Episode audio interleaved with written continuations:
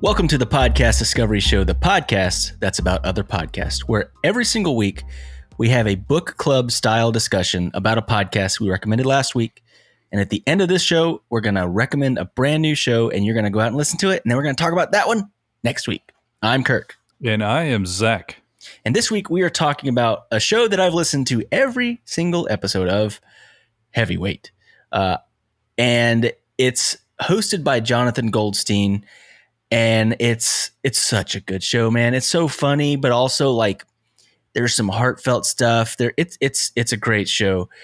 Um, essentially, the the the premise is Jonathan will find somebody, and usually it's somebody that has this really compelling story, and they've lost touch with somebody else uh, or a, a group of people, and he kind of goes you know, investigative journalism deep dive, and he has to try to find that person and reunite them. So a lot of times it's sometimes it's awkward, sometimes it's amazing, sometimes you know you want to cry because like they haven't talked to each other forever and they're so happy. But that's what the premise of the show is.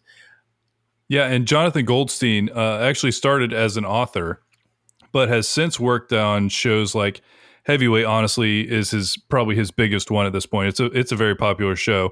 He also worked on This American Life and Wiretap.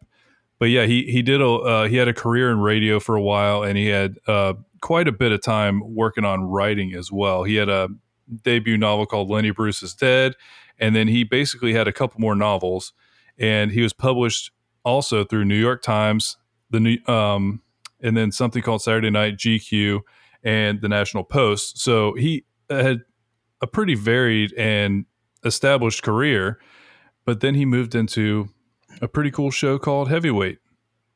Yeah, so he is a uh, he's the host of the show, and it's a Gimlet show. So it's it's funny because he's always like making fun of uh, the the owner of Gimlet or the CEO or whatever, because um, they're they're old friends and they both used to work on This American Life together. And um, one of my favorite things about the show, and it's a through line through all of them, is that he always gets he always gives a phone call to his best friend, who is a nurse, and her name's Jackie Cohen, and he usually trolls her, and then she ends up like at every single time she ends up hanging up on him. Like that's the thing. She'll usually say something snarky and then hang up on him, and it's it's so funny. Yeah, I mean, you can tell pretty much immediately that's going to go that way because he says something ridiculous he yeah. starts out just saying something ridiculous, and she's like, "No, this is bad." Yeah. He starts talking about because she's a nurse. He's like, "What do you call uh, what do you call the big toe uh, as a nurse? Do you call it the great toe or do you call it the big toe?" And then he asks about if they call it, you know, the pinky baby toe, or do you call it the little piggy? yeah, he did ask if someone had an accent if the little piggy got smashed, like if she would say that to him, and she's like, "No," and then she hung up. She's like, "No, how are you employed?" And then she hung up on him. It's just, it's so funny. It's, it's, and it made me think about something that my son said when he was like four. He stubbed his big toe, and he said that he hurt his thumb toe. And from then on, I have always called it my thumb toe because it's. He's, he's not wrong. It is his thumb toe, kind of. so that's what I. That's my contribution to that conversation. Is thumb toe should be a thing let's get it trending on Twitter. Let's get it going. Yeah, I don't know who's going to get that trending for us on Twitter, but yeah, it's important. The, it, our, our giant army of listeners. yeah, that'll do it. Yeah.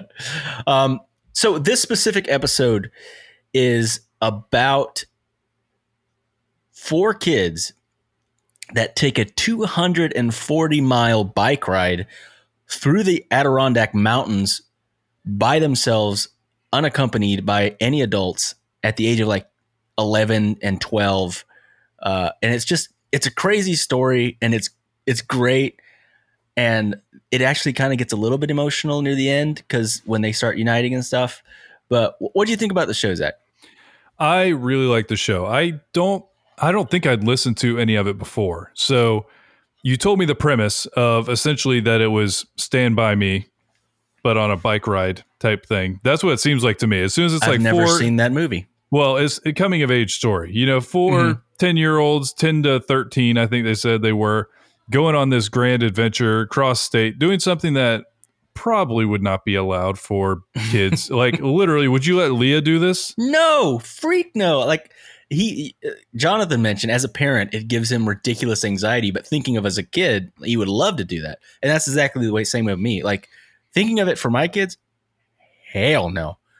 Yeah, But- I get that because it's it's kind of crazy to just let them off into the into the sunset on some bikes. But as a kid, I would have loved to do this. Yeah, I would have done No. this in a heartbeat. I probably would have, but I feel like I would have died. Like Yeah. I feel like I would do it wholeheartedly, but that I would die with that same enthusiasm. but yeah, they they take off on a. They're going to what is it? It's their uncle's house that lives Yes. in Vermont, Yeah. So and to give a little bit of backstory, the the kid's name's Jonathan as well, um, Jonathan Marshall, and apparently his parents, specifically his dad, is just like this hippie '70s dad, like all about you know just the laid back hippie kind of life, which is great. It sounds like he was the fun dad. He talks about like in the summer, he would ask his son, he'd be like, Hey, it's late at night and it's real hot. How many how many of your friends do you think you can get together so we can go get some ice cream? And he would like pack as many kids as they could in the van just to go get some ice cream. Uh, honestly, it reminded me of like high school and my dad because we would always go and do stuff with my dad. We'd go on trips. We'd go to dinner all the time, and Mhm. he, he he just loved hanging out with us he did. uh, when we were in high school. Um, No, And, and, uh, this this definitely reminded me of high school. My parents obviously like we were way too dumb to have been let out of the house like this. But high school is when apparently I was just the right amount of dumb to be let out of the house sometimes. And I so yeah, we were that's smart when enough to hide how dumb we were. I think Yeah, that's more maybe. of what happened. maybe they just were around us less and they forgot how dumb we really were. I don't know. It's hard to tell. But yeah, that's it, it definitely reminded me of that. But yeah, then essentially the the two best friends that lived I think in the same street and still live close to each other because eventually like eventually this steps out. So this is grand story and it steps out to where are they all now? And so two of them lived on the same street, but then two young boys just showed up and like were coming to stay at the house. And they're like, "What what are they supposed to do while we go on the trip?" And they're like, "Oh, they're going too." So two random kids also get thrown into this. Yeah, and Jonathan so- was actually mad. He's like, "No, man, I've got only so much beef jerky. They can't come. I, I don't have enough cups of noodles. This isn't going to happen." And they're like, "No, they're going with you." So that's that's the way it went. So Yeah, these and- other these two brothers, Jimmy and Mark, uh, ended up being a tag along, and we find out later on why they ended up having to come live with the family. And uh, but yeah, Yeah, so basically they go on this I think they said it took them 3 days of riding all day and then they would land somewhere at night. The first night they stopped at a what do they call it frontier town? Yeah, Frontier frontier, town. town. And so it's like a western themed town and sounds like a tourist trap, like in the mountains, just like it probably is. Yeah, it probably is. But for a 11 year old, you're like, oh my God, this is the best trip I've Heck ever yes. been on. Heck and yes. this is all told through it's John, right? Isn't John Yes, like the- the, Jonathan's the lead? one- He, yeah. He's telling the story of basically this whole adventure. Uh, well, he's at least the first person that talks about it. And then they go through, they go to the frontier town, then they hit a bunch of terrible weather. They have a bunch of crazy things happen. They remember amazing little details of the adventure, like going to A and W, and his friend took off his shoes, and he said that it is still to this day the worst smell he ever smelled. like stinking up the whole restaurant with his dirty, wet, gross three days of in the rain leather shoes. Uh, yeah, that is it was a great detail. But yeah, this is one of those times where like we could run you through every awesome thing that happened on their story, but it's a lot better to hear them talk about it. So if this sounds interesting to you, you can hear them talking about all the little details and it's cool to hear because they definitely do remember and hold close to them kind of different random points that happened. Different little things that happened along the trip. One of my favorite things is they actually did it. They actually made it to the uncle's house. They made it. And the aunt and uncle come out and they're like, Why are you here? And they're like, Your dad said you were doing it, but we figured you were going to call us halfway here and we were just going to come pick you up. And they just uh, automatically assume there's no way they're going to make this. I would assume And, that uh, too. I'd be like, okay, just have the car ready. We don't know when it's gonna. And also, I really liked the uh, the impact that this had on pretty much all of their lives. Uh, this, it, you like you said, it's like a coming of age moment, and it really was. Like even for Jonathan, the main character in this story, he talks about how it almost like gave him a determination to do, not give up, and to just keep pushing through stuff. And he became a lawyer and all this other stuff. And um, when everyone thought he wasn't going to be able to do it. I, I thought that was a really interesting angle to the story. Yeah, one of the things that really caught me as like they were talking about it is how differently each one of the 4 Mm-hmm. perceived it. Each one of them had a very different experience, kind of in their memory of the trip, and then also how that impacted them moving forward. Because the the neighbor, I cannot remember his neighbor. Were they both named John? Jonathan both- and John. Yeah. Yeah. So the neighbor who was there, not the main storyteller, but his his Jonathan and John, friend. hosted by John Goldstein. Yeah, there's it's a lot of Johns going on. so many Johns. but he basically doesn't remember any of it. He doesn't remember any of the details. He remembers making it. He remembers going on the trip. But okay, which one? Jonathan's the storyteller. The first Jonathan's a right? storyteller. Uh huh. So John's his best friend. Like tiny details, like what they ordered at the A and W when they got there, and like the like all the the random hills that they were on, and like the The weather, and- headboards at, at Yeah. the frontier place. all know, of this like stuff. that. he he remembers it so vividly. And John, it's more just like, yeah, I remember we did it, and like, but that's kind of it. Because then uh, I think that he kind of just got into. He was doing concerts. He was, I think, the oldest out of the group. Mm. So like, he was right at the age of being a teenager, and so he was just kind of like, okay, yeah, that was a that was a fun trip and everything. But he moved on like as a person quicker. And then the whole kind of premise of heavyweight, if I'm gathering this correctly, Mhm. is it's making lost connections essentially happen. You know, it's Yeah. it's tying up loose ends of life. It's not It- hardline that, but it's it's almost every episode is that. So in this one, I think Jonathan and John talk fairly often, but Yeah, they they're still had, friends. they had never talked to Jimmy and Mark since taking this trip. So that was a crazy thing to imagine. Is just your kid, you go on this crazy adventure, formative thing, and then you lose touch with them completely for 45 years. Like kind of mind time. blowing to think about. And so that's where the payoff of this show really comes in because you're like, then you start to think about like, oh, what would it be like to do that? And then obviously, Jonathan Goldstein goes out and he said he had to make hundreds of calls to try and find these people. I love how he had bits and pieces of those calls. They're like, Mhm. no, there's not a Jimmy or a Mark that lives here. You know, But he found them. He found both Jimmy and Mark. I mean, because he found Jimmy, he was able to find Mark because they were brothers. But essentially, then you get into what is maybe equally as interesting to me is kind of Mhm. how this impacted everybody differently. Because, like, I believe Jimmy's the one that was in Vegas or he was in somewhere west, and then Mark was the Florida teacher. yes, I believe Because so. they were I believe so. they were brothers, and they eventually told you that the reason that they went on this trip is because their mother got MS and Parkinson's at the same time. yeah, she, she was literally getting had to- very sick.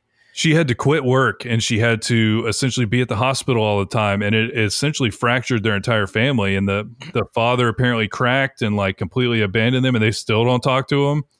And that is why they were sent to this house on that trip. So there's so many random little like life elements throughout this thing that you're just like, this is so crazy for like a 10 year old to experience.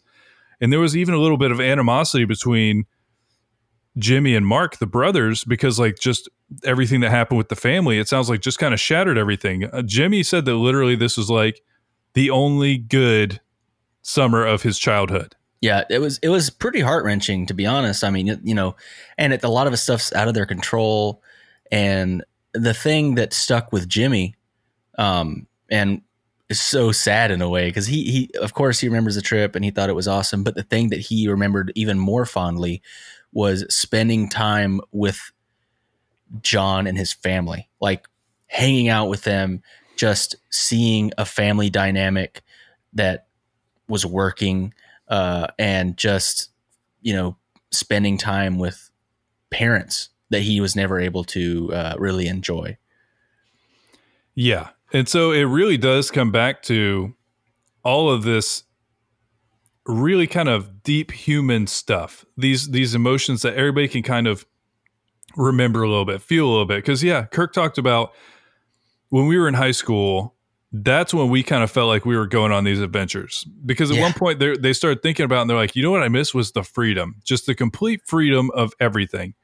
And I thought about that when they were talking about this entire story. And it's like, when was the last time you felt like that? You know, that like that high school or being a kid feeling of just nothing. I thought about that today. I was like, "What did I did I ever have an experience similar to this?" And I think the closest one would have been that road trip that we went on right after high school uh, when we went to what Myrtle Beach.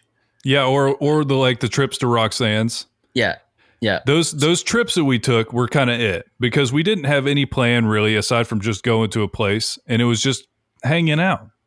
And so it, it is a very like kind of special moment in your life to have that kind of freedom and to feel that just winging it idea. yeah. And I don't know. They just talk about so many things that you're like, wow, this. So basically, the story that starts out like just this coming of age story, and it's insane that it happened. Like, it's insane that a bunch of Yeah. children rode They- their it bikes was, it was 200 in the miles. paper. Uh, his uncle was like, "Well, heck, we need to tell the paper about this." So the paper came. They took pictures, and it was in the the local paper. And of course, they bought a bunch of copies. And John still had copies of it, and they he sent them to all of the the guys because apparently Jimmy and Mark had been telling people about this story, and most people didn't believe them uh, because they didn't have any proof of it. And so now they have proof of it. So now when they tell people, they may be like, "See, I've got a paper. It says I did it. There's Yeah. my picture." And one of the like the most like hit home moments of this, really, that's what this show is about. Is kind of it reminds me in a lot of ways like This American Life and really great shows like that, where you you start to see a pattern forming, but then they really can't execute like the finale of it, where it's like, oh wow, and then it like wraps it. And when they all got their pictures, you could hear like almost like childlike childlike excitement come out in their voice. And then when they then Jonathan Goldstein connected everybody on the phone who literally they hadn't talked to in almost 50 years and you could hear them kind of like get excited about it. They start getting a little bit giddy. You could hear the nostalgia, dude. Like you could hear it in their voice. It has it had a really great payoff for kind of like everybody getting to like reconnect about something that was so important to all of them. So it, I really I really did enjoy the show. It's it's that perfect balance of like it's funny, both the host and like the the story was crazy, but then just the emotional tie-in at the end is just it makes it really great. So, like I said, I've listened to every single episode of Heavyweight, um, and it's weird because he names it usually a person's name, so you don't know what the sh- what the story is about when you listen to it. He always names it after a person's name, Hmm. and it's funny because a lot of podcasts you want to pick and choose. You're like, okay, this looks interesting, this doesn't. I'm not going to listen to this one. I'm going to listen to this one. This show, I just trusted it, and every single time it would get me, man. And I'm I'm looking at some of the other episodes. One of them was great because he had his friend whose name's Gregor, and this dude, he was such a dry humored, hilarious, uh, but like it seems like he would be obnoxious to be around guy. And apparently, he always felt uh,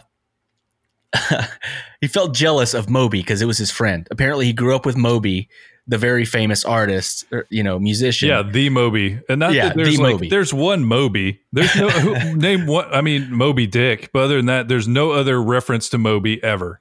but Just like Moby. apparently um moby came out with an album that had a lot of like uh how would you call it there was a word for it it was like folk music mixed with like uh like african folk music and stuff like that and apparently gregor let him borrow that album and then moby basically sampled the whole album and made his biggest album ever from it Really? and what Gregor wanted is he wanted that album back because Moby never gave it back to him. and so they travel all the way to Moby's house. He Moby has no idea why they're there. And there's this whole like thing, and it's it's so funny. Did they end up And- talking to Moby? Yeah, no, they, they end up going to his house, sitting down, and you know, of course, Jonathan Goldstein's hilarious, and he's he's he called himself like the mediator, but he's had some weird like Jewish name for it because he's very Jewish and he's always playing into it. It's great, and uh, it's oh, it was just such a good episode. Um, that was one of my favorites. Uh, there's a list of like the top ten, but this one was cute. There was one. It was called Beverly and Van and it was about it said Beverly's granddaughters wanted to know why she always spoke about Van, a man that she loved platonically but supposedly not romantically. And then he has to like, and both of these people are dead, but both of their grandkids remember their grandparents talking about each other, and Hmm. it it's and and it's it's such a cute story, and they end up finding like almost like love letters, but they were just like best friends, but they almost you know became you know more than that, and it's just a, it's a cute story, and of course it's so much digging because both of these people are deceased, and it's just Yeah, going off the grandparent, their grandkids. I mean, How you Uh, even form a story around that is mind blowing. I'm telling you, it it it's a it's great storytelling. Jonathan's humor is so dry and fun. There's not even that much of it in this, and it, it's it's peppered in throughout the stories. It's not like a comedy podcast, but that's what I see from it, and I appreciate Yeah. from it. Was that Yeah, no, Uh, I wouldn't call this a comedy podcast. He's just a funny person. So sometimes it's sometimes it's got some humor to it, but it's not like a comedy podcast. but yeah, I'm glad you enjoyed it. And uh, if anybody hasn't listened to it, you should because a heavyweight is a great podcast. And trust me, any episode, Just go just for listen to it. You'll like it. I'm telling Yeah, you. Yeah, no, it's it's definitely great. I will be recommending that for a long time. So for next week's recommendation, I feel like all of us need a little bit of uplifting. 2020 has been something. It's been a, very interesting year. Ooh.